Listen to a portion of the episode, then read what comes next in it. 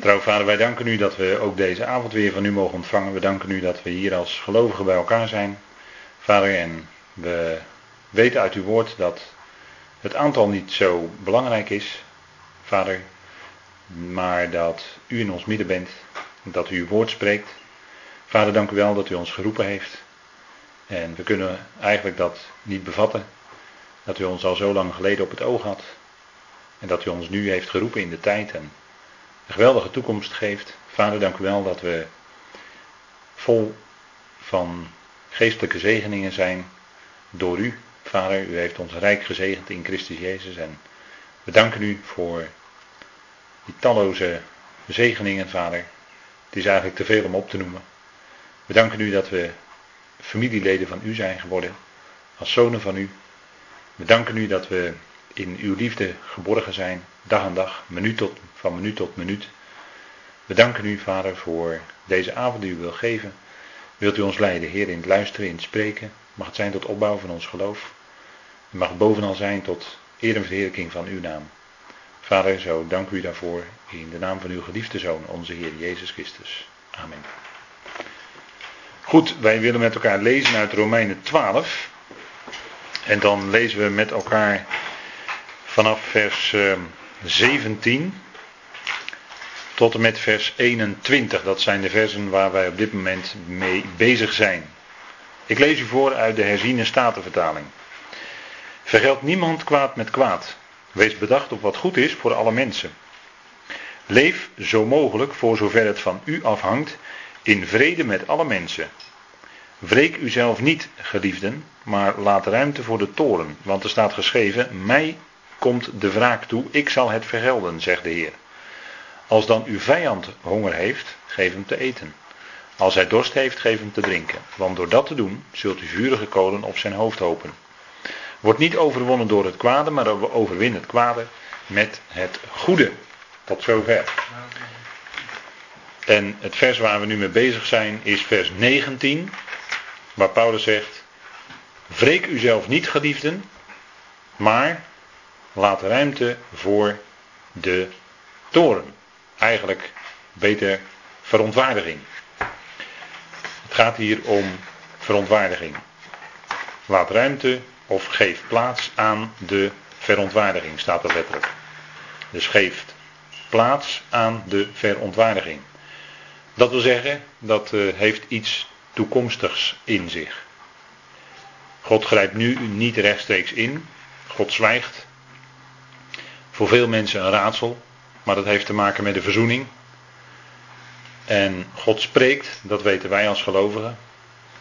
En hij heeft zich niet onbetuigd gelaten, zegt de profeet ook. Maar hij zwijgt voor ons niet. Hij spreekt zijn woord in ons leven. Hij spreekt zijn woord in ons hart. En daardoor zijn wij geroepen geworden. We zijn geliefden, hè, staat er ook. Wreek uzelf niet, geliefden, maar laat ruimte voor de verontwaardiging. En het feit dat Paulus zegt: wreek uzelf niet, is natuurlijk iets dat tegen de menselijke neiging ingaat. Een mens wil zich namelijk wel wreken. Hè, als hem kwaad wordt aangedaan. Paulus heeft al in vers 17 gezegd: vergeld niemand kwaad met kwaad. Nou, daar kun je dat wreken of dat wraak nemen ook onderscharen.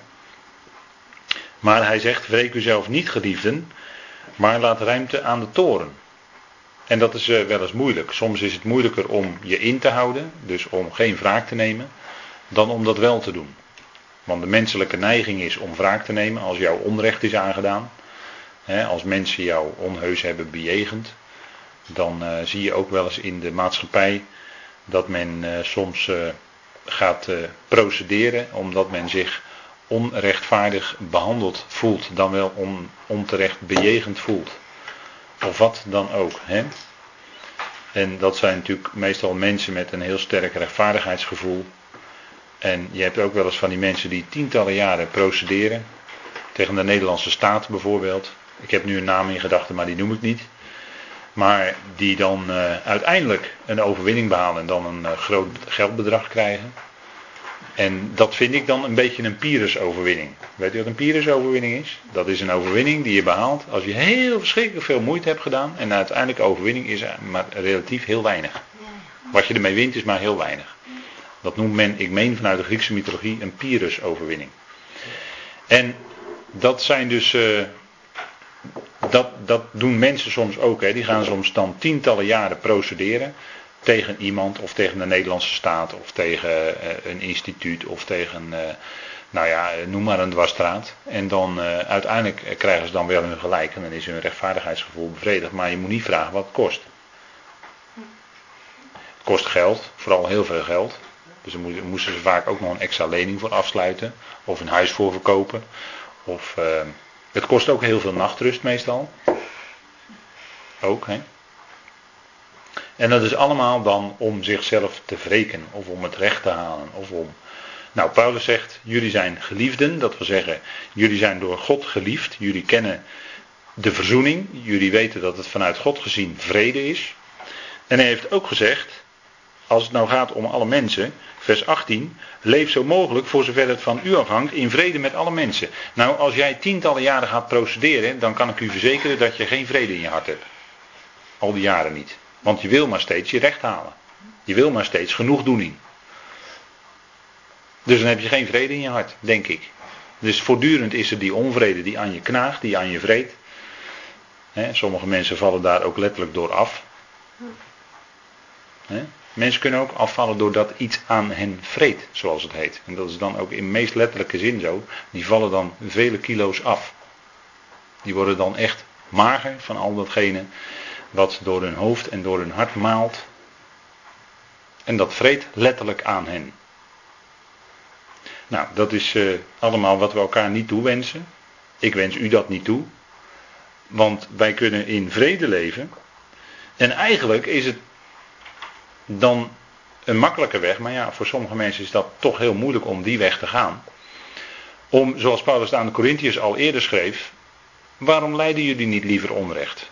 Waarom laten jullie je niet tekort doen? 1 Korinthe 6. Maar jullie doen onrecht. En dat aan broeders, zegt Paulus dan. Ja, dat gebeurt allemaal. En sinds die tijd is er nog niet zoveel veranderd hoor. Maar goed. Ik heb eronder gezet jij en dan een blauwe pijl de Heer. Met andere woorden, jij laat het over aan de Heer. Dus jij geeft ruimte aan de Heer als het ware, om het zo maar te zeggen.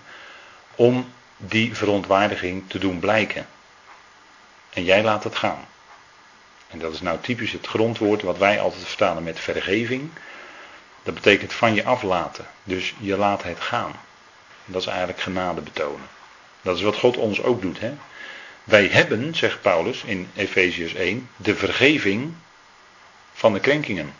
En het grondwoord daar is van je aflaten. Dus als wij God krenken, want een krenking betekent dat je op Gods hart gaat staan, dat je Gods hart krenkt, dat je hem in zijn gevoelens pijn doet, om het menselijk te zeggen, dan is het niet zo dat God ons van zich af verstoot, maar hij laat het gaan.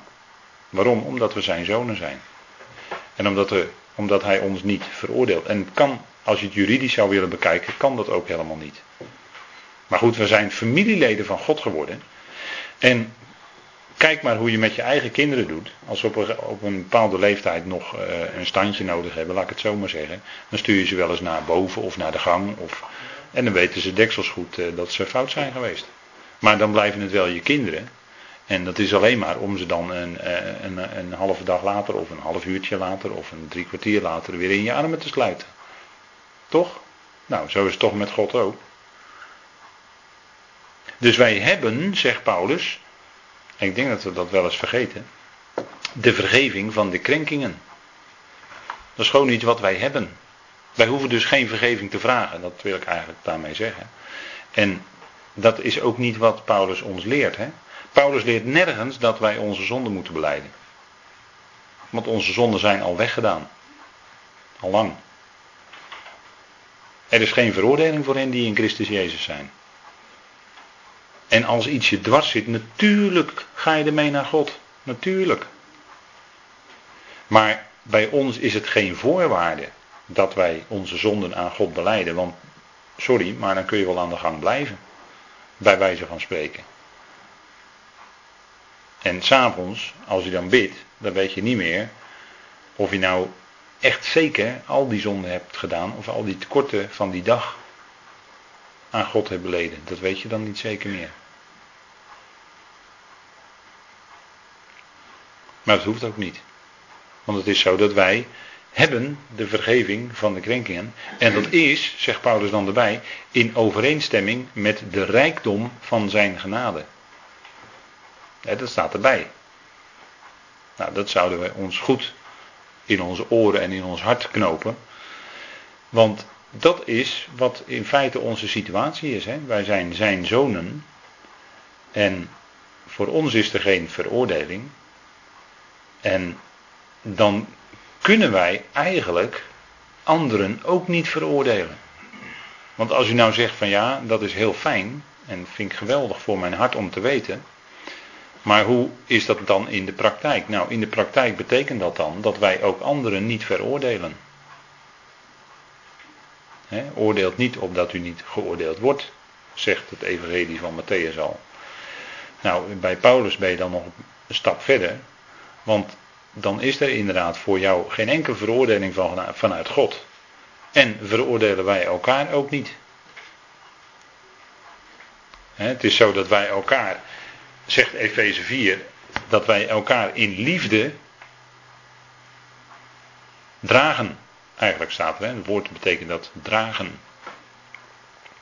En dan heb je het altijd als gelovigen onder elkaar. Ja, maar met die heb ik het toch wel erg moeilijk. Ja, en met die. En met die. En met die. Kijk, als je goed gaat kijken naar al, onze menselijke feilen en tekorten, dan kan je misschien bij ieder gemeentelid wel iets aanwijzen. Hm? Ja, nee, precies. Bij ieder gemeentelid, dus ook bij jezelf inderdaad. Ja, ja, ja, ja. Want als je met één vinger naar de andere wijst, dan is het altijd zo dat je de drie naar jezelf terugwijst. Hè? Dat is, dat is, uh, ja, dat is vaak zo. U kent natuurlijk wel die bekende gelijkenis van de balk en de splinter. dat de Heer Jezus zegt, als je nou een splinter bij iemand in zijn oog ziet zitten, haal dan eerst die balk uit je eigen oog weg. Dat zegt de Heer Jezus toch? Nou. Dus wat hebben wij dan eigenlijk op anderen aan te merken?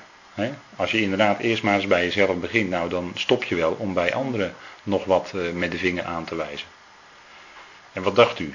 Als u, als u dan iets ziet bij de ander, dacht u dat God het niet weet? Die weet het al honderd keer beter dan wij. En ik troost me altijd met de gedachte dat God alle dingen weet van de mensen. Hij weet alle dingen van ons.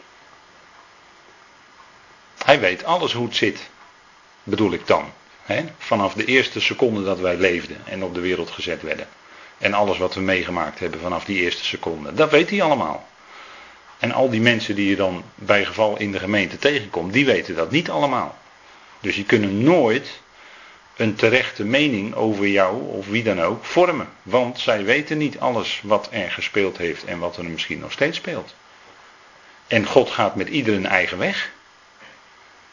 En of iemand, hè, we zijn allemaal dienaar, hè, dienen en liefhebben. Nou, we dienen elkaar als gelovigen. Want dienen is liefhebben, hè, dat is eigenlijk zo'n beetje hetzelfde. Als je iemand lief hebt, dan dien je de ander. Nou, daarvoor zijn wij geroepen. En gaan we niet kijken hoe die ander is. Nee, als die ander gewoon gemeentelid is, dan dienen wij.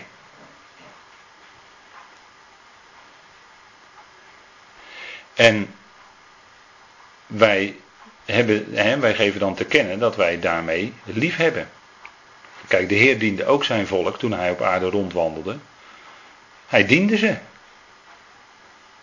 En het was niet altijd gezellig, vaak niet. Maar hij ging wel door met dienen. En de discipelen van hem, die begrepen hem ook niet aan het eind.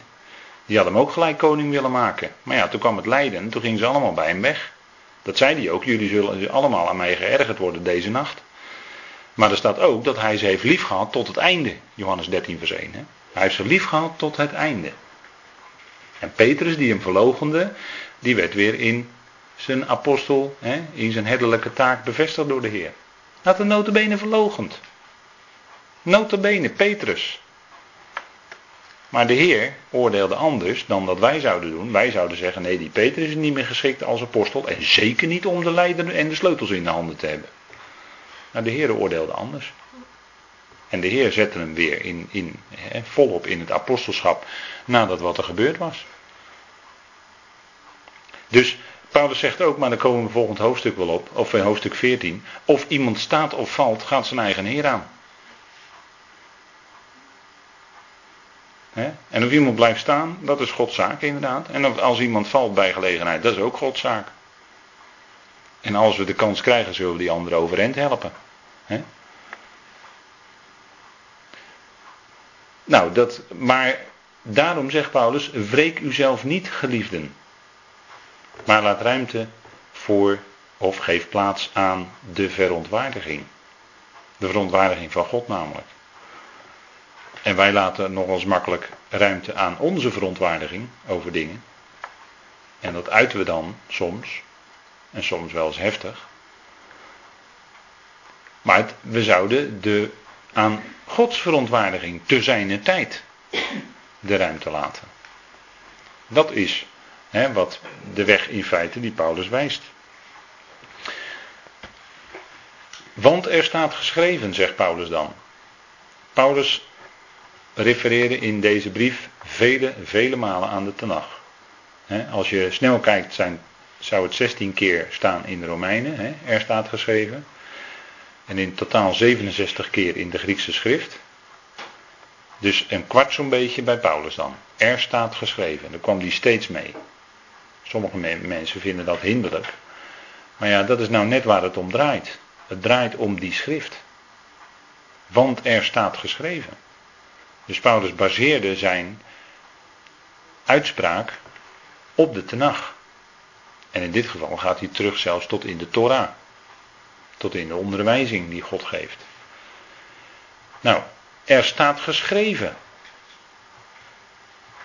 Dat is waar Paulus steeds op terugvalt. En daar zouden wij ook steeds op terugvallen. Hè? Er staat geschreven. En we kunnen vaak heel ongemerkt gebeurt dat. Dat, dat, dat. merk je dan wel eens. Maar heel ongemerkt kunnen we onze eigen mening of onze eigen conclusie of ons eigen denken uiteindelijk in de plaats zetten van de schrift zelf. Daar moet je altijd heel erg mee oppassen. Dat niet jouw conclusie, of de conclusie van een broeder, of wie dan ook, dat die niet in de plaats komt van wat de schrift zelf zegt. En daarom zouden ook datgene wat wij geloven, kunnen terugvinden te allen tijden in de schrift. als we, kijk, kan natuurlijk heel snel een aantal belangrijke, in het christendom belangrijke leerstellingen, uh, die kun je eigenlijk heel eenvoudig, uh, ja, zeg maar, laten zien dat dat eigenlijk niet klopt. Als we alleen al bijvoorbeeld hebben over het woord drie-eenheid, de drie-eenheid van God, dan is dat een uitdrukking die in de schrift helemaal niet voorkomt. Wat wel in de schrift voorkomt, is dat God één is. En dat er maar één God is. En die heeft een zoon. En nou ja, zo kun je natuurlijk, hè. We hebben dan afgelopen weekend ook wat stilgestaan bij uh, de rijke man en de arme Lazarus. Daar worden ook allerlei christelijke voorstellingen over het leven na dit leven aan ontleend. Maar ook dat, hè, dan wordt er, wordt er dus gezegd van nou, hij sloeg zijn ogen op in het dodenrijk. En dan zegt iedere christen, of heel veel zeggen dan, ja zie je wel, de Heer Jezus zegt dat er bewust leven is als iemand gestorven is. Ja, maar totdat je dat stukje gaat bestuderen en wat daar eigenlijk staat en wat de bredere tekstverband is, dan kom je erachter dat er iets heel anders bedoeld wordt. En dat gewoon blijft staan, wat het heel, heel de tenag zegt, wat heel de schrift zegt. Dat er in de dood geen bewust voortbestaan is. Maar dat dood dood is. En dat dood zonder bewust bestaan is. En dat je buiten de tijd staat. En dat je van niets weet. En dat, dat vergt eh, wel, eh, daar zouden we heel wat avonden over kunnen vullen hoor, om dat aan te tonen. Maar de schrift zegt het aan alle kanten. En dan weet ik wel dat er hier en daar wat moeilijke teksten zijn. Maar als je daar de tijd voor neemt, en het ook vanuit zijn tekstverband bekijkt, zullen die die lering van de schrift niet tegenspreken. Absoluut niet. Er staat geschreven. En dat is voor mensen in, in uh, door, door uh, wat, wat geleerdere mensen, om het zo maar te zeggen, wordt er dan al snel gezegd als je daarmee aankomt dat je biblicistisch bent. Of biblicistisch, ik weet niet hoe je het uit moet spreken. Die C, of je nou een C moet zeggen of een K, weet ik allemaal niet. Maar dan zeggen ze dat je biblicistisch bent. Waarom? Omdat je je geloof baseert op uitspraken die echt in de schrift staan.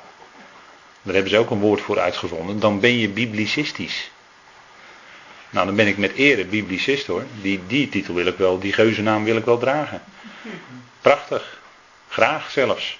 Paulus kwam er toch ook steeds mee aan, er staat geschreven. En de Heer Jezus liep er ook heel hard tegenaan hoor. Tegen de inzettingen, tegen de judaïstische leringen. Hij zei tegen ze: Jullie hebben door jullie overleveringen het woord van God krachteloos gemaakt. Dus de Heer Jezus liep daar heel hard tegenaan hoor.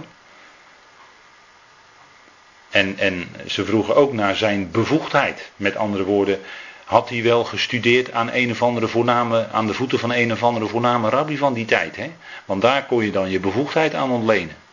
Nou, de Heer Jezus stelde zijn wedervraag, typisch op zijn Joods, en daar hadden ze geen antwoord op. Dus hij zei ook niet van wie zijn bevoegdheid kwam. Maar die kwam natuurlijk van zijn God en Vader. Want hij sprak niets anders dan wat hij de Vader hoorde zeggen. Dat was zijn bevoegdheid. Dus hij liep gewoon heel hard aan tegen de, laten we zeggen, de religieuzen van zijn dagen. Die om de Torah heen een heel eigen hekwerk hadden gebouwd van leringen. En dat noemden ze dan de mondelinge Torah. Is ontstaan in Babylon. toen ze heimwee hadden naar Sion, Psalm 137. We zaten aan Babel stromen en we verlangden terug naar Sion. En in die tijd, in die ballingschap, kwam ook het verlangen terug om de Torah weer uit te leven. Maar ja, dat konden ze daar niet, want ze hadden geen tempel, ze waren niet in Jeruzalem, dus ze konden de Torah niet uitleven.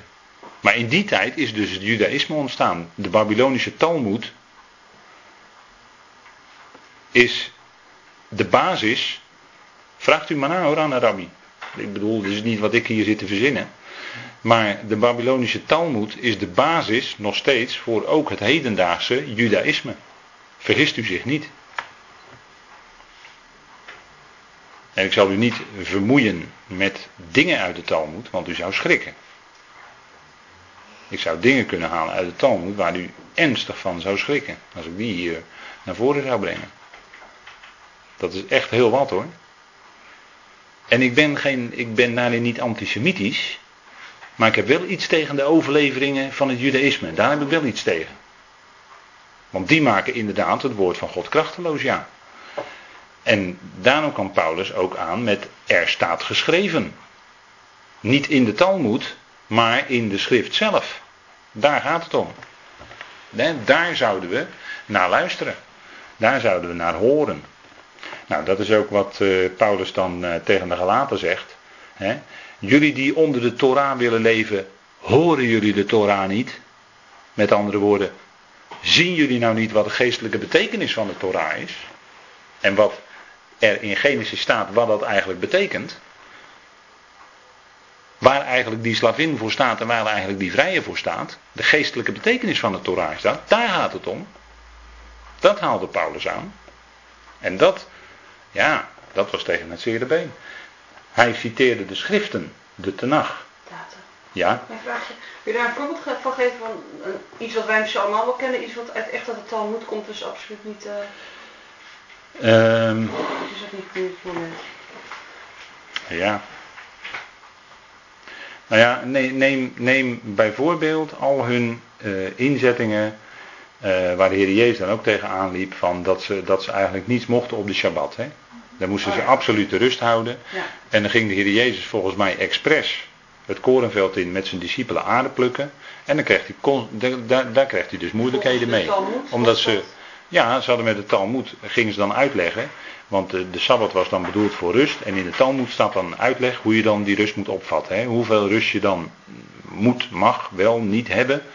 En dan gaat het allemaal om wat je dan wel en niet mag op de Shabbat. Uiteindelijk, daar komt het uiteindelijk allemaal op neer. Nou, Goed, dat is dan een algemeen voorbeeld. Maar de Heer Jezus liep er dus tegenaan. Hij genas iemand met een verlamde hand of verdorde hand in de synagoge notabene op de Sabbat. Hij zei strek die hand uit en hij genas die hand. Nou, daar kreeg hij natuurlijk problemen mee. Want dan was hij zogenaamd aan het werk op de Sabbat. En in het christendom is het niet veel anders hoor. Want dan is het ook zo van. Ja, eh, vroeger mocht je dan eigenlijk niet fietsen op zondag. Je mocht geen ijsje kopen. Heb je het ook allemaal nog meegemaakt? Ik wel. Ja, je mocht geen ijsje kopen op zondag. Je mocht niet fietsen op zondag. Eh, ze mogen niet met de auto naar de kerk op zondag. Ze moeten lopen naar de kerk op zondag. Dat is precies hetzelfde. Dat is precies hetzelfde. Het heeft. ja. Dat is, dat is een soort nieuwe talmoed, ja. Ja, dat is een soort nieuwe talmoed. Zo zou je het kunnen zeggen. Zonder dat ik nou, nou ik, ik, wil echt uh, geen enkel mens daarin, uh, maar wel die lering, omdat het gewoon iets is wat totaal niets met de schrift te maken heeft.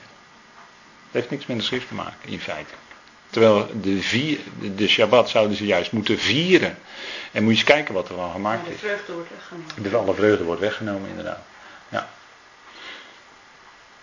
Nou, er staat geschreven, daar was Paulus dus voortdurend mee bezig. En die liep natuurlijk ook, hij had het meeste vervolging, ondervond hij, van uit zijn oude groep waar hij in zat, vanuit het judaïsme. Daar werd hij het meest door achterna gezeten, het meest door vervolgd.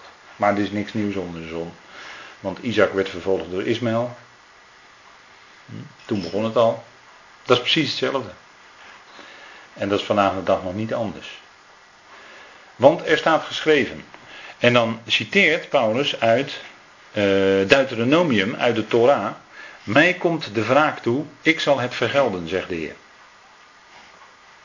Dus eerst zegt Paulus, laat ruimte aan de verontwaardiging, hè, geef plaats aan de verontwaardiging.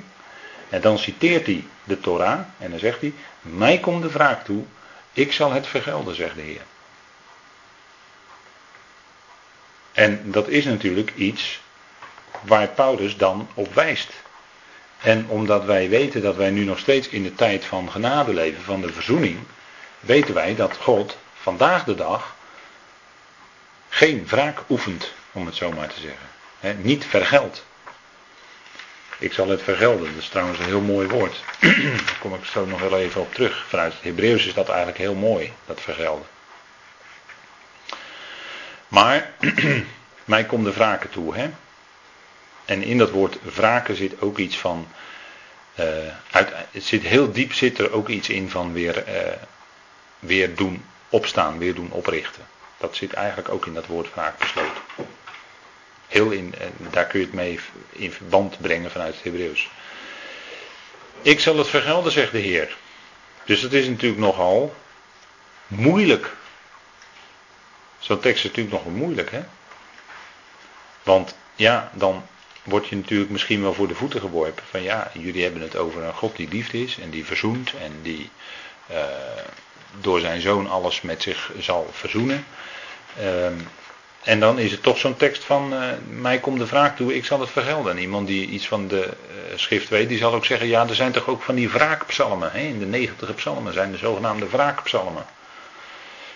Ja. Maar we kunnen ons natuurlijk afvragen, Wanneer gaat de Heer dan vergelden? Hm? Wanneer is dat dan? Als het nu, nu niet is, dan moet het nog in de toekomst zijn. Want toen Paulus de Romeinen schreef, was die, die wraak en die vergelding nog niet geweest. Weliswaar werd Jeruzalem in het jaar 70 verwoest, onder leiding van generaal Titus, de Romeinse generaal. Maar dat was niet de wraak, de vergelding waar de schrift over spreekt. Maar wanneer gaat die dan plaatsvinden? is dat in de grote verdrukking? Wanneer is de grote verdrukking? Wanneer is dat? De laatste jaarweek van Daniel. Ja, van Daniel 9, ja. Dan is de grote verdrukking. En wanneer is die grote verdrukking precies? Is dat de eerste of de tweede helft van de jaarweek? Tweede helft, ja. Gaat de Heer dan vergelden? Nou, ik denk het eigenlijk niet. Oké, die laten we nog even, die laten we nog even. Goed, we gaan nog even door. Is het zijn verontwaardiging over de volkeren?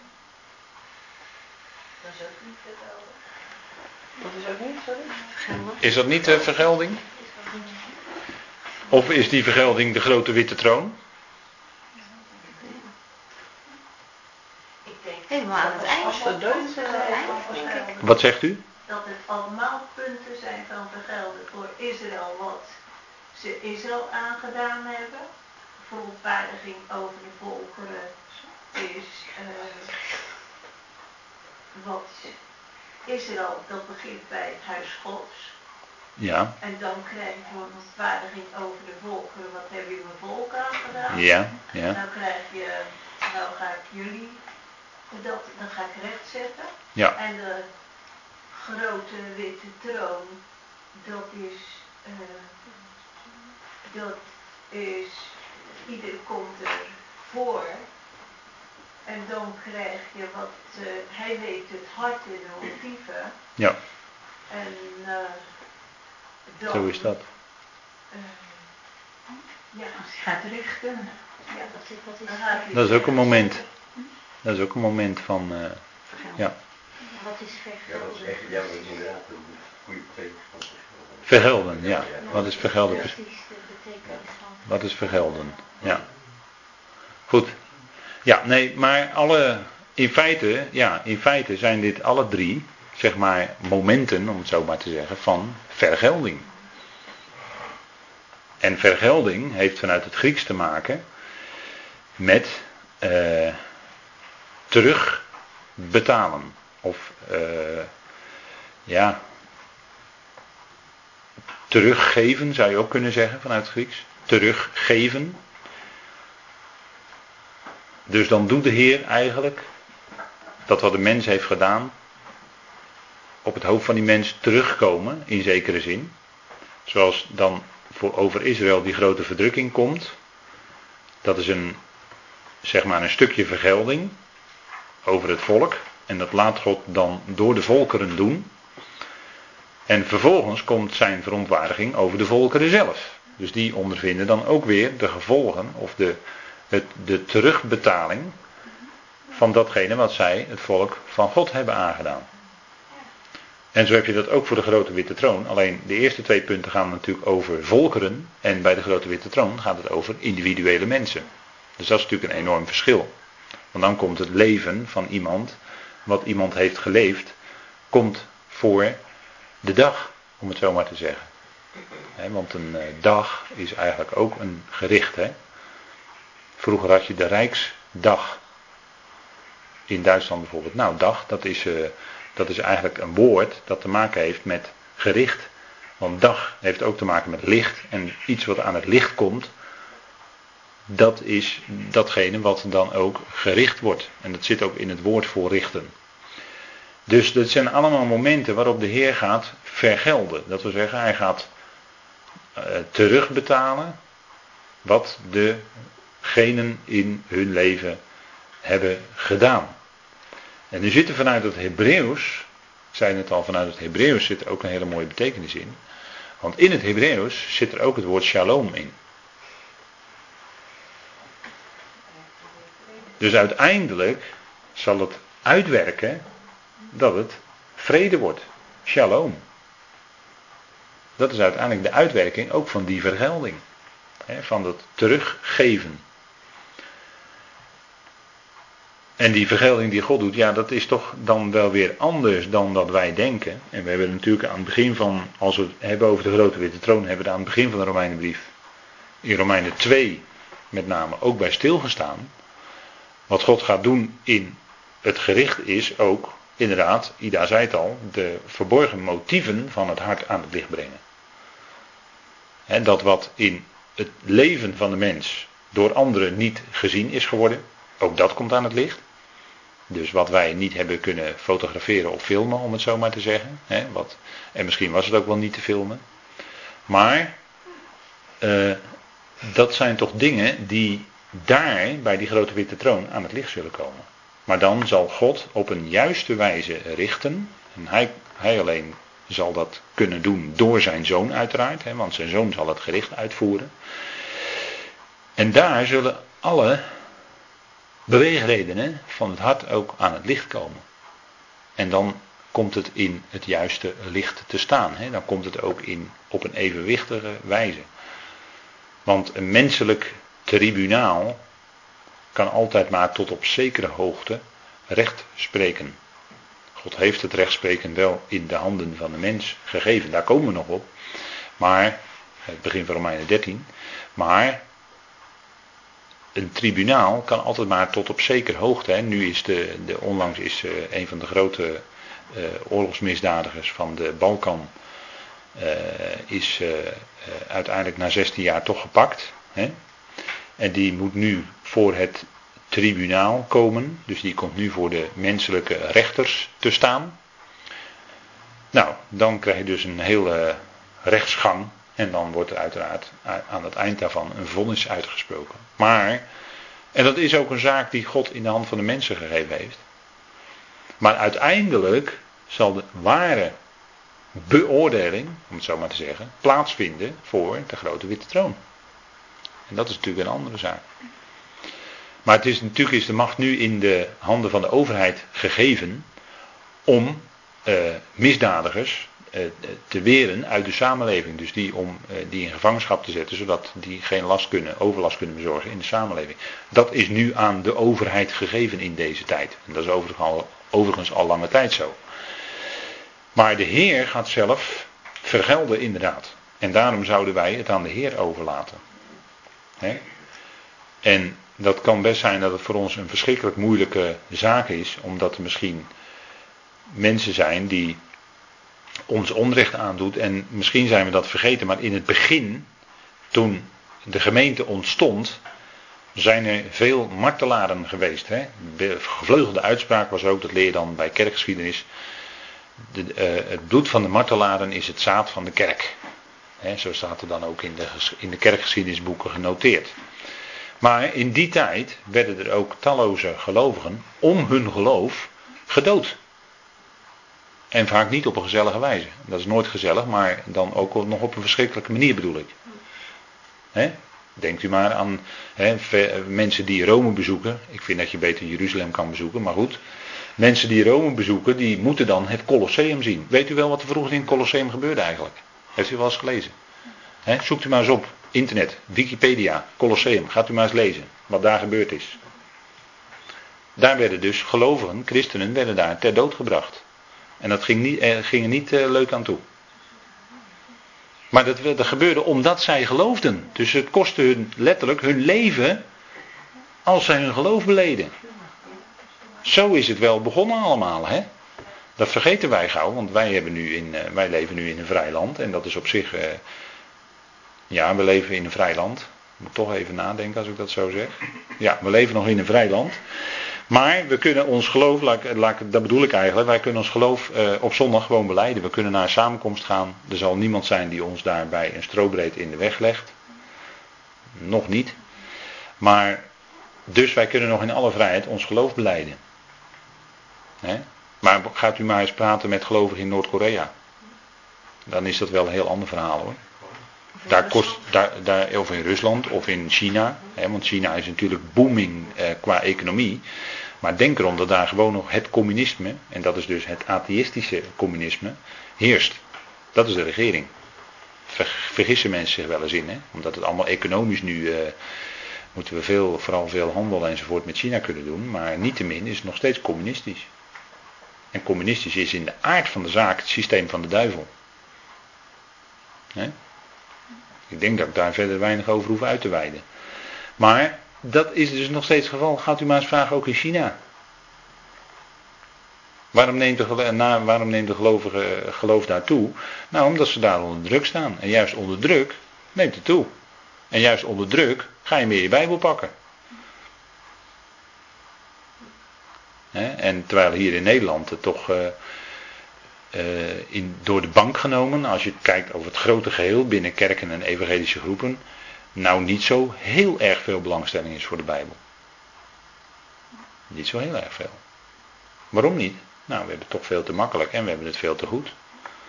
we hebben veel comfort, we hebben televisie. We hebben internet. Hm? Nou, daar gaat uh, heel wat uh, tijd in zitten. Maar de Bijbel open, ja, Het is altijd fijn als je ziet dat daar nog wel belangstelling voor is. Maar kijk maar eens in landen waar men dat allemaal niet heeft en waar, waar, waar men juist om hun geloof wordt vervolgd. Nou, die lezen hun Bijbelstuk hoor, als ze er eentje hebben. En die moeten ze misschien nog verstoppen ook. Maar die lezen hun Bijbelstuk. Hm? Die leven echt met het woord elke dag. Wat een voorbeeld voor ons, denk ik dan. Geweldig.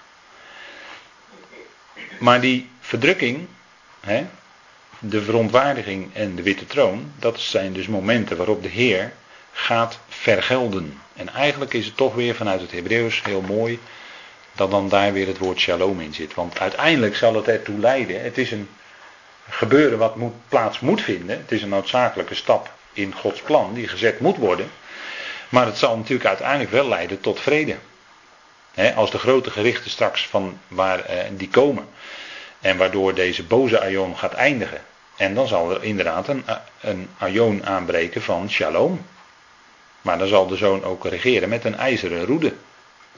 Psalm 2 maar dat zal wel de shalom zijn. In ieder geval zeker voor het volk. En zal wereldwijd ook een tijd van verademing zijn. Dus die vergelding die nog moet komen, die diep ingrijpend zal zijn en ernstig, leidt er wel toe dat de shalom gaat komen. En dat zit dus al in het woord vergelden opgesloten. Nou, dat is natuurlijk heel mooi weer, hè? vind ik van de schrift. Dus altijd van die mooie dingen kom je dan tegen. En wat denkt u van deze? Ik heb het woord vijand hier gecursiveerd om er de nadruk op te leggen. Maar daar gaat het dus om. Hè? Als dan uw vijand honger heeft. Kijk, in het Midden-Oosten is het zo. Dan nodig je je vrienden uit en dan, eh, dan heb je een rijke tafel en er staat brood op en wijn en druiven en weet ik wat allemaal. Hè? Met alles eh, lekkere dingen met olijfolie gebakken en nou, enzovoort, enzovoort, enzovoort. En dan nodigt men allemaal vrienden uit. En die honger hebben en die kunnen dan mee eten. Hè? Dat is een normale situatie. Nodig je je vrienden uit, kan je lekker eten met elkaar enzovoort. Hè? Lekker wijn, wijntje erbij. Of vruchtensap of water, wat je dan ook maar wil. Maar, maar nu, nu even het andere verhaal. Hè? Nu geen vrienden, maar nou, als nou je vijand honger heeft. Je vijand. Als die honger heeft. Zegt Paulus. Hè? Degene die jou achterna zit. Degene die jou vervolgt. die jouw vijand is. Als die honger heeft. Dan zegt Paulus, geef hem te eten. En als hij dorst heeft, geef hem te drinken. Dus het, wij, wij worden dan als gelovigen eigenlijk ertoe geroepen door Paulus. om onze vijanden bij gelegenheid te eten en te drinken te geven. Dat is in feite wat het evangelie dan hier zegt. Hè? En hoe kun je dat doen? Nou, omdat je weet dat God van die ander houdt. En ook dat daardoorheen God iets uitwerkt. En eh, waarom dan die ander vijandig gezind is tegen jou of tegen ons of tegen. Hè? Dat is dan even een andere zaak. Maar Paulus zegt hoe je daar dan mee om kunt gaan. Geef hem te eten en als hij dorst heeft, geef hem te drinken. Nou, ik heb hier dan een plaatje bij afgebeeld brood en wijn. Als, als uh, in feite symboliek hè, natuurlijk, symbolen van uh, waar, uh, waar de vrede ook in, enigszins in wordt uitgebeeld. Maar, nou heb ik er tussen haakjes achter gezet, de beten. De beten. En wie weet wat de beten is. Wat daarmee uitgedrukt wordt. Waardering? Ja, als een waardering, een uh, bijzondere blijk van waardering. Je geeft de beten, dat is een speciaal stuk brood toen de tijd. Die geef je, of die werd gegeven aan de belangrijkste gast, als het ware de eregast aan tafel. Die kreeg de beten. Dat was het belangrijkste stukje brood. Dus dan wordt het eigenlijk dan gaat het eigenlijk nog een stapje verder hè, dan je in eerste instantie dacht. Want je denkt van nou ja, geef, hem te eten, dan geef ik hem een plekje ver weg, dicht bij de deur, hè, aan mijn vijand. Hij mag er wel aanschuiven aan mijn, aanschuiven aan mijn tafel. Maar ik uh, zet hem dicht bij de deur, zodat hij zo snel mogelijk uh, weer. Uh, hè, ja. Maar zo zit het dus hier niet. Want het gaat hier om je vijand de beet te geven. Dus het gaat erom, eigenlijk die vijand zelfs als een soort eregast beschouwen en die eigenlijk het beste stukje brood geven. Dus zover gaat het hè, hier. En er is een heel bekend voorbeeld van, van iemand die dat deed in de schrift. Weet u wie dat was?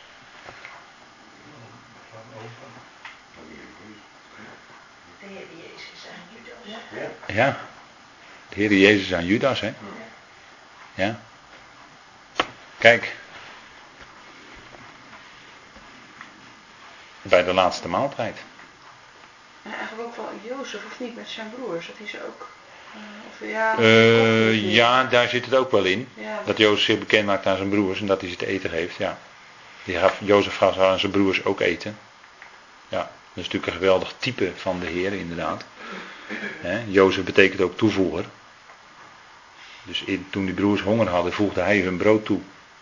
Hij gaf ook hong- hij gaf brood aan zijn broers die honger hadden. En zijn broers die waren hem nou niet bepaald vriendelijk gezind geweest. Hè?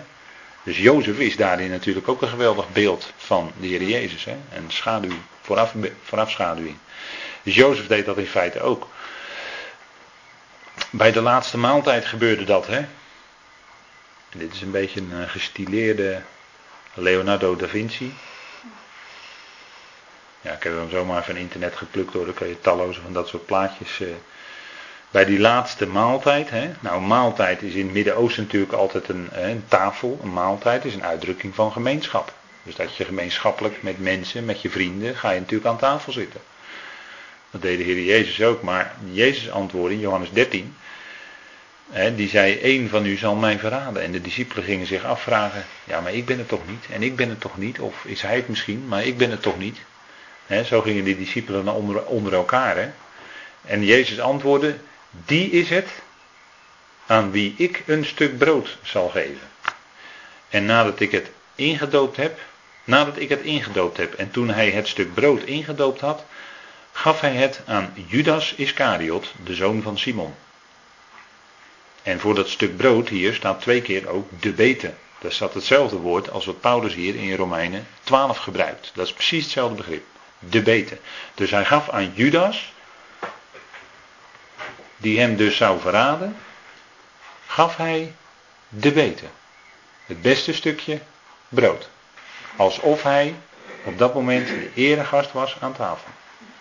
Wat een enorme diepte zit er dan achter, hè? Want hij wist van meet af aan, toen hij de twaalf had geroepen, wist hij wie hem zou verraden. Dat wist hij van het begin af aan. En die liep dus altijd met hem mee, zijn vijand. Al die drie jaar trok hij met de Heer op.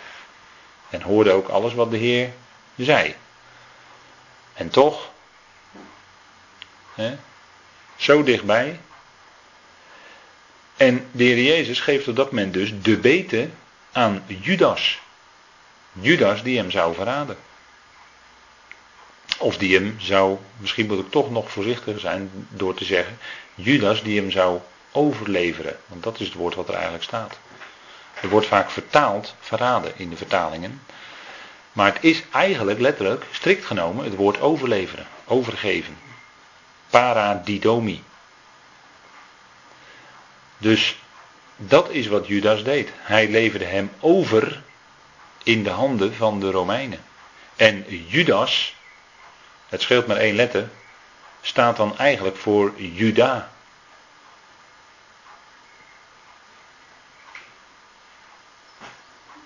Want hij werd door zijn eigen volksgenoten overgeleverd aan de Romeinen. Zij riepen, kruisigt hem. En dan weet ik wel dat er menigte was en dat ze opgehitst waren door enzovoort. En toch, ze riepen Pilatus om Barabbas te laten gaan. En ze riepen over de Heer, kruisigt hem. Zijn eigen volk, Juda. Hij kwam tot het zijne en de zijnen hebben hem niet aangenomen, staat er. Nee, ze hebben in tegendeel, ze hebben hem overgeleverd in de handen van de Romeinen. Dat zegt Petrus later trouwens ook in handelingen. Dus de Heer Jezus gaf aan Judas de bete.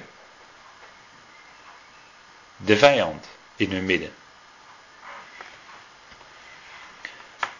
En hij zei tegen hem, wat u doet, en, of, en met het nemen van het stuk brood, van de beten, voer de Satan in hem, staat er dan. En er staat er dus echt de Satan, dus met een bepalend lidwoord erbij hier. In de, in de tekst. Jezus dan zei tegen hem, wat u doet, doe het sneller. Dat zegt hij eigenlijk. Hè? Wat u doet, doe het sneller. Het was in de psalmen aangekondigd dat hij dat zou doen. En daarmee kon Judas niet ontkomen aan datgene wat hij ook deed. En de Heer Jezus die zegt zelfs tegen hem, wat u doet, doe het sneller. Met andere woorden, het moest gebeuren. De Heer Jezus wist van zijn vader dat het onontkoombaar was. En Judas zouden we ook anders bekijken dan meestal wordt gedaan. Omdat eerst de Satan in hem voer, staat er. En daarna was Judas in staat om zijn Heer over te leveren. Begrijpt u? Anders had hij het nooit gekund. Precies, als gewoon mens, als menselijk, hè, drie jaar lang met de Heer opgetrokken, had hij menselijkerwijs gesproken nooit gekund. Had hij niet eens gekund. En denk erom dat er ook een geestelijke zaak zit aan het feit dat die overpriesters en schriftgeleerden fariseeën de menigte ophitsten zodat zij riepen kruisigd hem. Dat was niet alleen vanuit de mens hoor, maar dat waren natuurlijk geestelijke machten die hen op dat moment beïnvloeden om zo ver te gaan, om notabene hij die zonder zonde was, over te leveren in de handen van de Romeinen om gekruisigd te worden. Om de dood van de misdadiger te ondergaan. En het is eigenlijk ongelooflijk, bijna, dat de Heer Jezus dan bij die laatste maaltijd de beten aan Judas geeft. Aan zijn vijand op dat moment. Dat is eigenlijk ongelooflijk, hè? Nou, en dat is wat Paulus dan, waar Paulus ook aan refereert als hij schrijft, als dan uw vijand honger heeft, geef hem te eten, de beten, en als hij dorst heeft, geef hem te drinken. En het staat echt de beten hoor, want het gewone woord voor brood in het Grieks staat hier niet.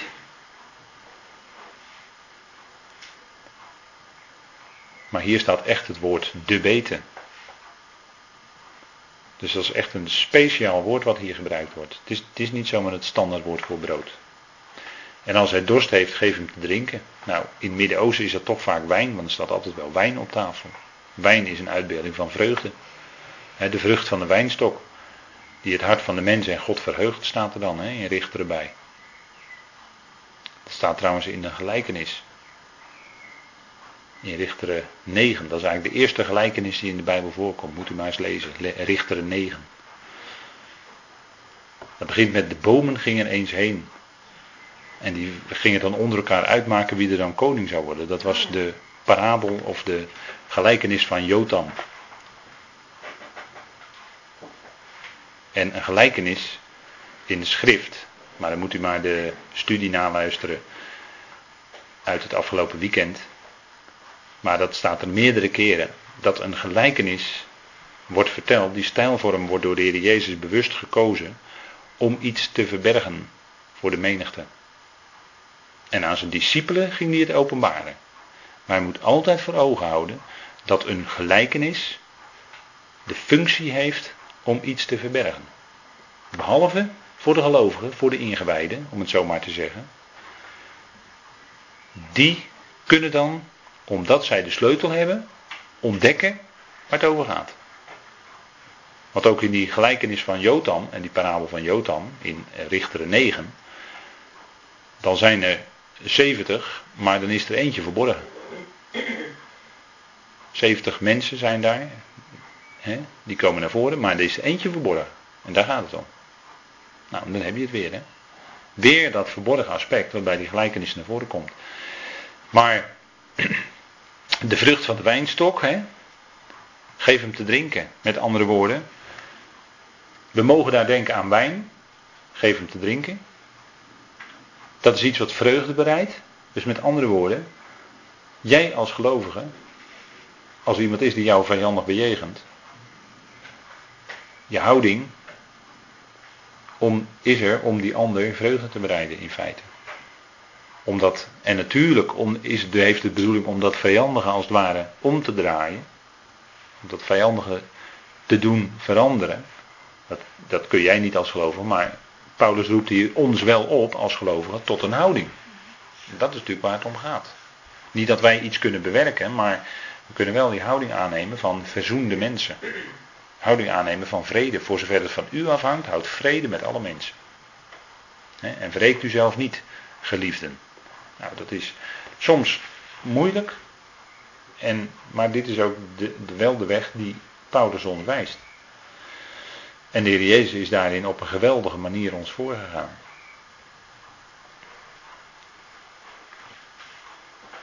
Goed, we gaan even een moment met elkaar pauzeren.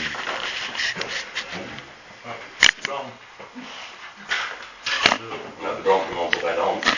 Daar komt niks te spulletjes in de kamer. De Goed. de. Ja, we gaan het ook hebben over vurige kolen, dus Nou, er mooi uit. na deze pauze vol, eh, vol met woorden gaan we weer verder met het woord. Ehm, Paulus die eh, citeert dan uit spreuken. Dus hij blijft in de tenag. En in spreuken staat, in spreuken 25. En spreuken dat is ook zo'n boek met allemaal van die gelijkenissen zeg maar. Dus daar zit ook vaak nog een eh, min of meer verborgen betekenis aan vast. Maar hij zegt dan, of de spreukenschrijver, die eh, zegt dan, en men denkt in het algemeen dat het. eh, er zijn heel wat spreuken van Samuel, maar ook van, van Salomo, sorry. Van Salomo en van anderen ook. Maar in spreuken 25 staat als iemand die u haat. Dus dat is even. Dat ligt natuurlijk heel dicht bij vijand, hè, maar hier staat iemand die u haat. Maar dan zit misschien toch nog iets anders aan. Honger lijdt. Geef hem brood te eten. Dus dit is hier wat iets algemener gesteld dan zo specifiek als we daarnet zagen bij de beten. En als hij dorstig is, geef hem water te drinken. Want zo zult u vurige kolen op zijn hoofd hopen en Yahweh zal het u vergelden. En u ziet, ik heb daar tussen haakjes bijgezet het woord shalom. Want vanuit het Hebreeuwse woord staat er shalom in. Dus als iemand u haat. Jacob heb ik lief gehad. En Esau heb ik gehaat. Maar haten, dus het Hebreeuwse woord shana, dat heeft te maken met achterstellen of op de tweede plaats stellen. Het heeft niet die grond in zich zoals wij dat in ons dagelijks taalgebruik kennen. Eh, het haten wat de ene mens de andere mens doet. Want daar zit vaak een hele diepe angel achter. Maar het haten heeft in de schrift te maken met op de tweede plaats stellen of achterstellen. Want Esau. eh Esau is Edom. En Esau kreeg ook zegen. Esau werd ook gezegend. Alleen Jacob, die verkreeg het eerstgeboorterecht. Maar het kon ook bijna niet anders, want hij was als tweede geboren. En dus kreeg hij het eerstgeboorterecht. Zo gaat het steeds, hè. Wat ik noemde net voor de pauze al, niet Ismaël, maar Isaac, hè. Ismaël was strikt genomen de eerstgeborene. Maar Isaac kreeg de zegen. Het was niet Esau, de eerstgeborene, maar Jacob. Degene die letterlijk het tweede geboren werd, kreeg de eerstgeboortezegen. Niet Manasse, maar Ephraim. Ephraim kreeg het eerstgeboorterecht hè, onder Israël. Ephraim en niet Juda. Heeft u er wel eens bij over nagedacht?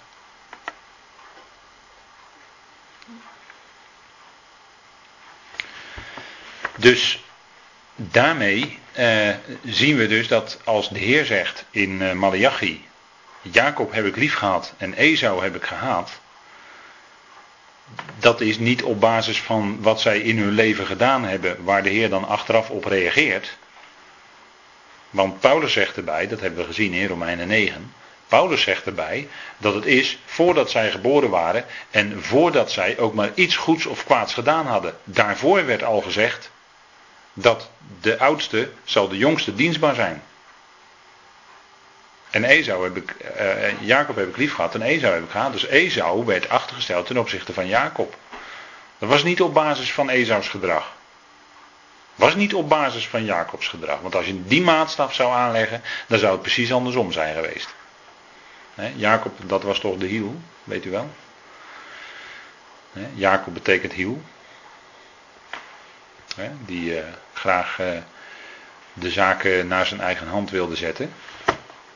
Nou, dus dat is dat woord haten. Hè? Dus dat zouden wij ook hier bedenken. Als iemand die u haat honger lijdt.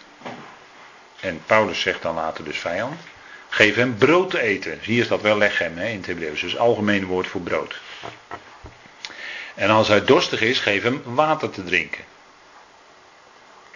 Dat is eigenlijk heel mooi, want zowel brood als water, waar zijn die nou in de schrift een beeld van? Gods woord. Gods woord, ja. Dus misschien kan je dit ook nog wel overdrachtelijk opvatten. Als met jouw houding iets van Gods woord vertellen. geef hem brood te eten en water te drinken. En wat doe je dan? Nou, dat zegt de spreukenschrijver erbij. Want zo zult u vurige kolen op zijn hoofd hopen. Ik hoop dat wij dit niet letterlijk opvatten. Want dan eh, zouden wij nou precies het tegenovergestelde doen van wat er in vers 21 staat. Maar dit is natuurlijk overdrachtelijk taalgebruik. Dat begrijpen we natuurlijk allemaal. Maar iemand die je haat hoeft niet je vijand te zijn. Nee, het kan ook iemand zijn die jou achterstelt op een of andere manier. Dat hoeft nog niet per se hatend te zijn, zoals wij dat. Iemand die je bij wijze van spreken naar het leven gaat staan en dat soort dingen. Maar het Hebreeuwse woord shana heeft dus ook te maken met achterstellen of op de tweede plaats stellen. Maar dat kan op de lange duur toch in een mensenleven uh, pijnlijk zijn. Als bijvoorbeeld ouders het ene kind voor het andere kind trekt en dat systematisch en voortdurend doen. Dan kan het heel pijnlijk worden.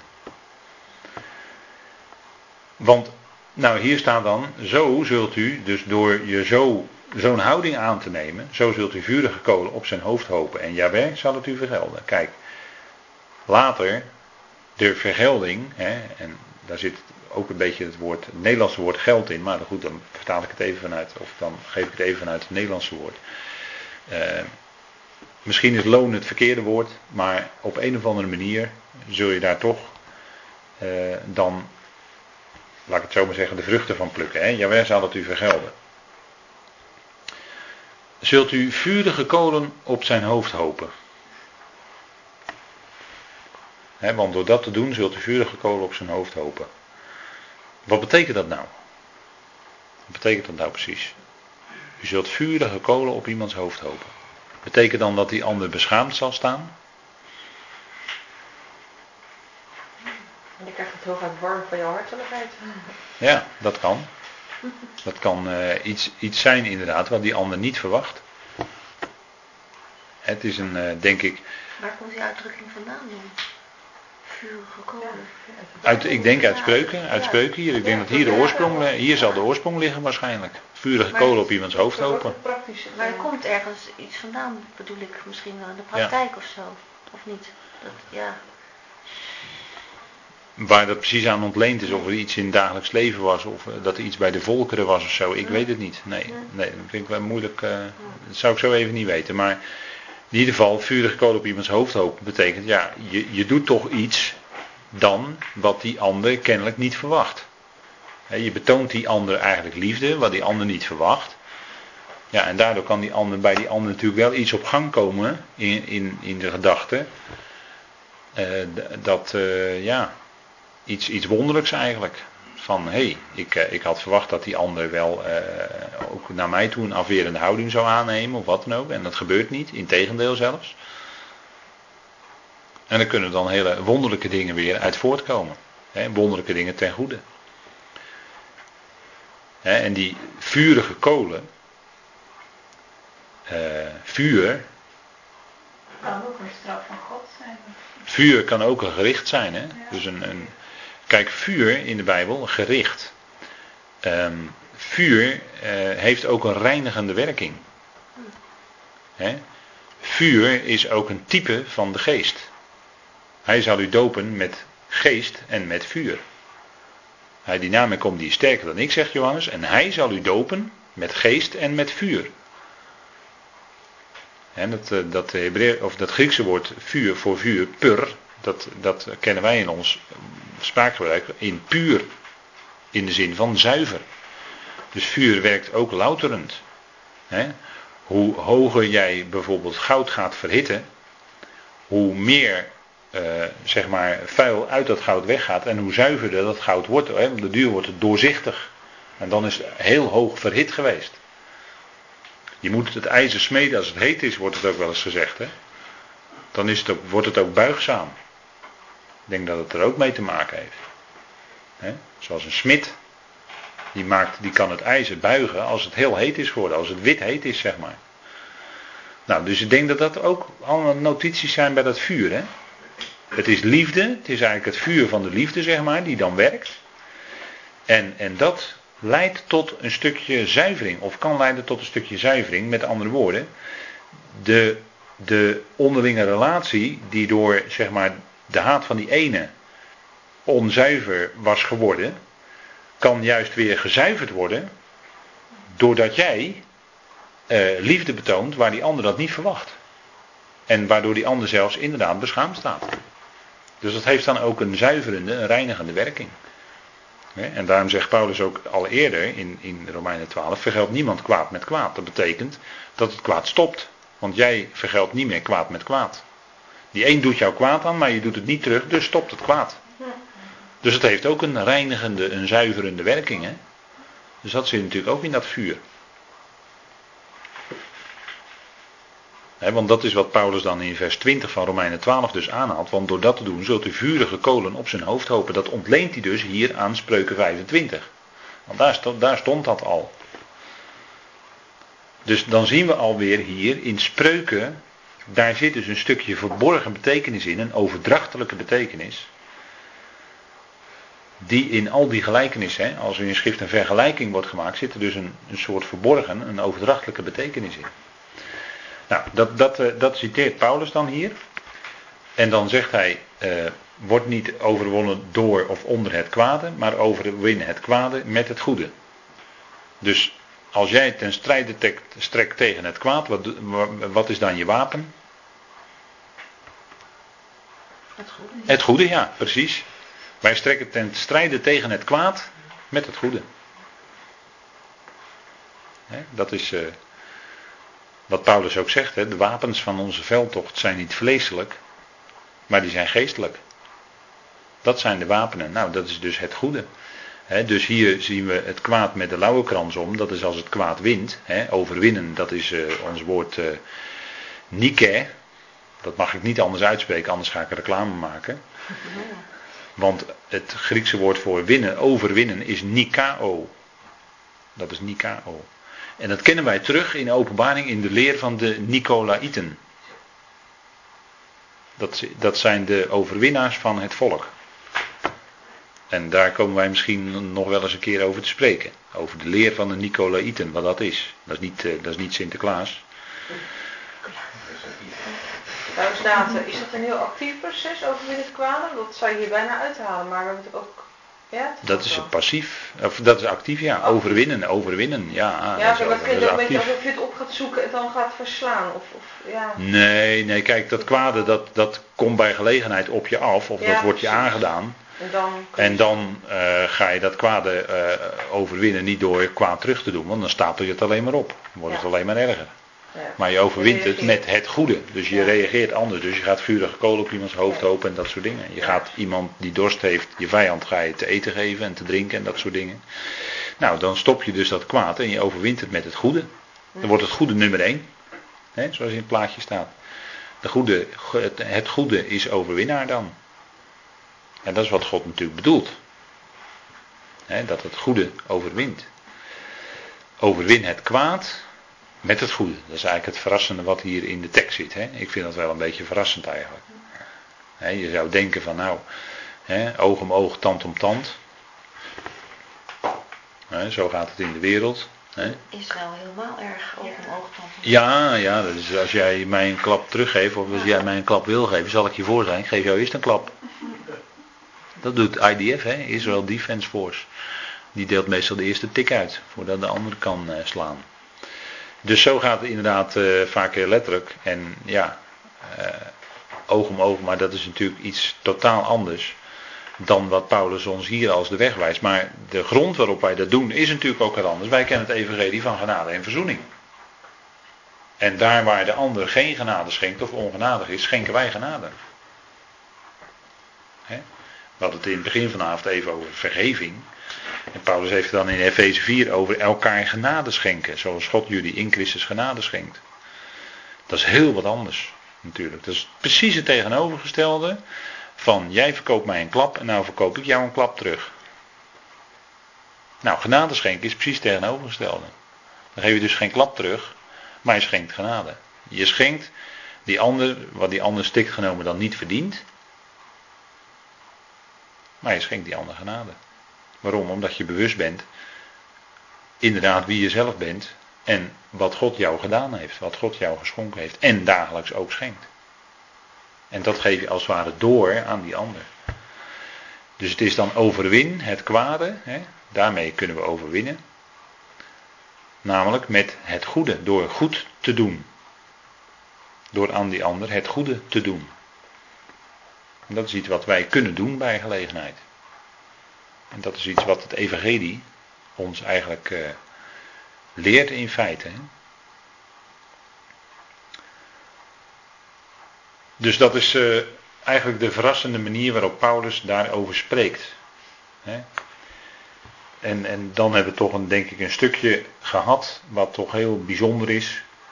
En waarin Paulus toch heel erg diepgaand eigenlijk de, de, de, de consequenties van het evangelie, de gevolgen van het evangelie in ons leven naar voren brengt. En dan zegt hij van ja, dat is eigenlijk best moeilijk. Want als ik nou die ander tegenkom, in levende lijven, die moeilijk is of die, waarvan ik merk dat het mijn vijand is, dan is het best moeilijk in de praktijk. Hè? Dan loop je er tegenaan, zeg maar. Ja, moeder, als een kind thuis, thuis komt en is op school geslagen, dan zegt die moeder, denk er dan volgende keer, hij terug en geef een flinke map. Want anders gaat voortaan iedereen jou slaan. Dan denk je dat je een nietje bent. Dus kinderen worden niet al opgevoed met... Ja, ja, ja zo gaat het vaak. Ja, ja, ja. ja, zo gaat het vaak natuurlijk. Ja. Ja. ja, dat zijn lastige dingen dan. Zeker. Dus het, uh, het goede staat dan eigenlijk hier uiteindelijk voorop. Hè? Het goede is de weg die het evangelie wijst. En dat is de weg van vrede, genade, verzoening. En dat is wat natuurlijk in alle kanten in de Romeinenbrief naar voren komt. Ja, en dan komen we bij hoofdstuk 13. En daar wil ik vanavond toch een klein beginnetje mee maken. Uh, de overheid. De overheid. En Paulus uh, schrijft daarover. We beginnen maar eens in uh, vers 1 en 2. Zullen we dat even met elkaar lezen? De overheid. Er staat ieder mens Romeinen 13. Ieder mens moet zich onderwerpen aan de gezagsdragers die over hem gesteld zijn, want er is geen gezag dan van God. En de gezagsdragers die er zijn, zijn door God ingesteld. Zodat hij die zich verzet tegen het gezag, tegen de instelling van God ingaat. En wie daartegen ingaan, zullen over zichzelf een oordeel halen. Even tot zover.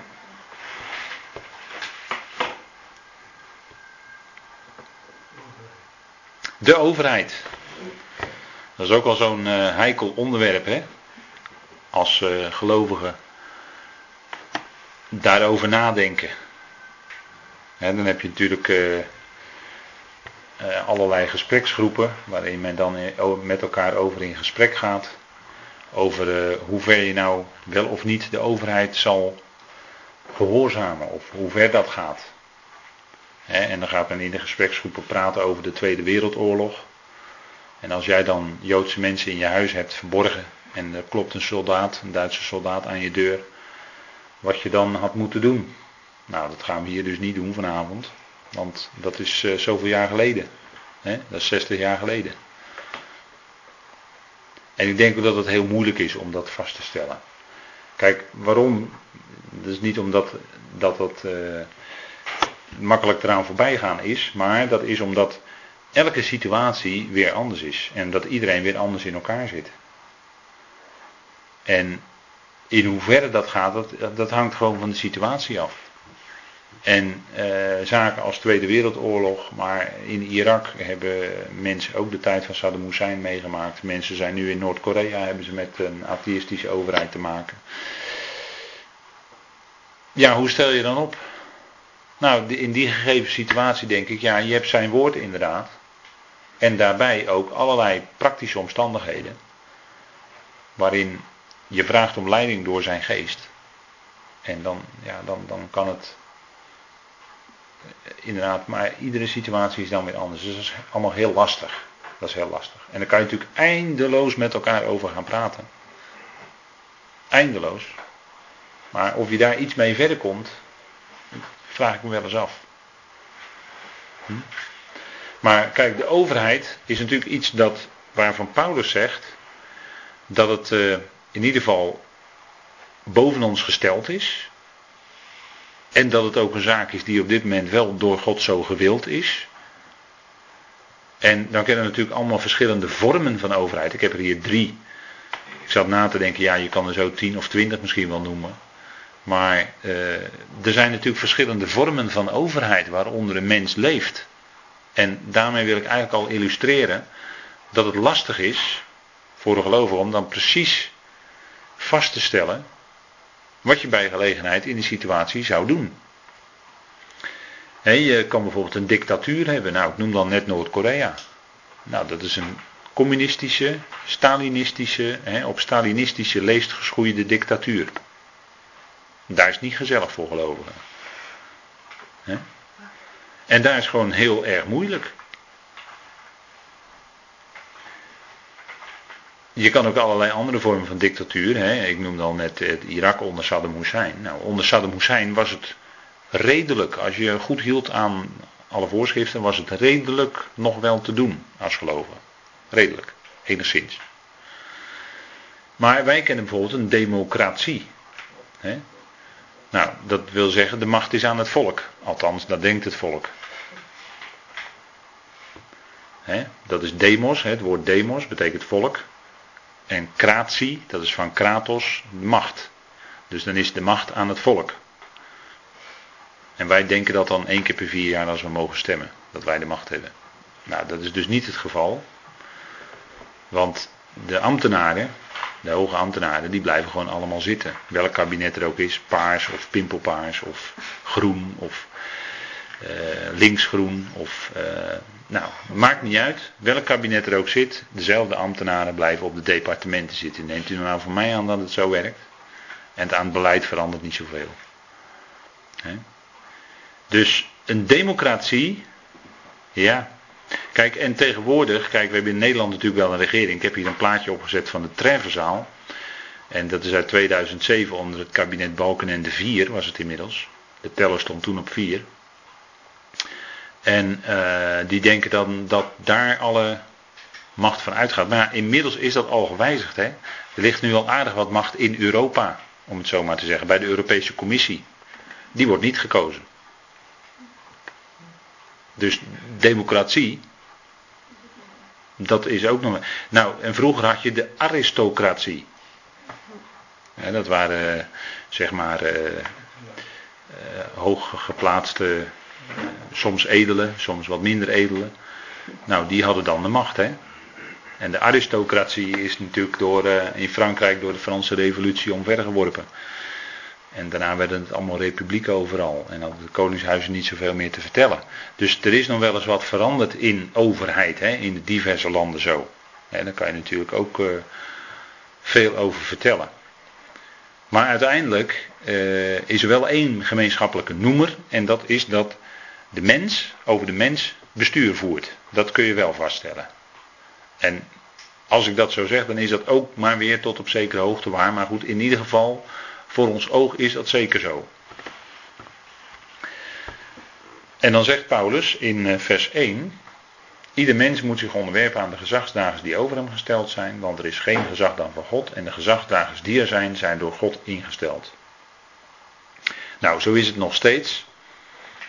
Eh, het gezag is er vanuit de regering en dat is een goede zaak dat het er is, want dan hebben we een uh, in Nederland toch redelijk geordende samenleving waarin alles toch redelijk geordend verloopt. En dat is ook wel een punt waar we dankbaar voor mogen zijn, omdat het uh, in andere landen best wel heel anders is. Dus in die zin is die overheid, zoals Paulus ook in het stukje zegt, ons ten goede. En als je in, tegen de overheid verzet, ja, dan gebeurt, dan gebeurt er wel iets natuurlijk. Um, maar dat is allemaal dus door God ingesteld. Hè? En als we deze tekst even wat concordanter bekijken, dan staat er dit. En dan staat het toch wel bepaald anders. Laat iedere ziel, daar wil ik u even op wijzen. Er staat niet mens, maar er staat ziel. Dat heeft wel een speciale betekenis. Laat iedere ziel onderschikkend zijn. Dus met dat laat onderschikkend zijn, klinkt toch iets anders, op een andere manier dan de tekst uit de vertaling, uit de gewone Nederlandse vertaling. Daar staat namelijk moet zich onderwerpen aan. En laat onderschikkend zijn is toch een wat mildere toon die Paulus heeft. Als hij dat zo zegt. Hij zegt het dan toch een stuk milder. Hè? Laat onderschikkend zijn. Hij wijst natuurlijk wel de weg van de onderschikking. En waarom doet hij dat? Waarom zegt hij dat zo? Nou heeft het hier over de ziel. En zo kijkt een overheid ook tegen de mensen aan. Van een gemeente, bijvoorbeeld onze gemeente, die, waar wij in wonen hier, die heeft ruim 60.000 zielen. Of die telt ruim 60.000 zielen. Dus de overheid die weet dat precies hè, in het bevolkingsregister.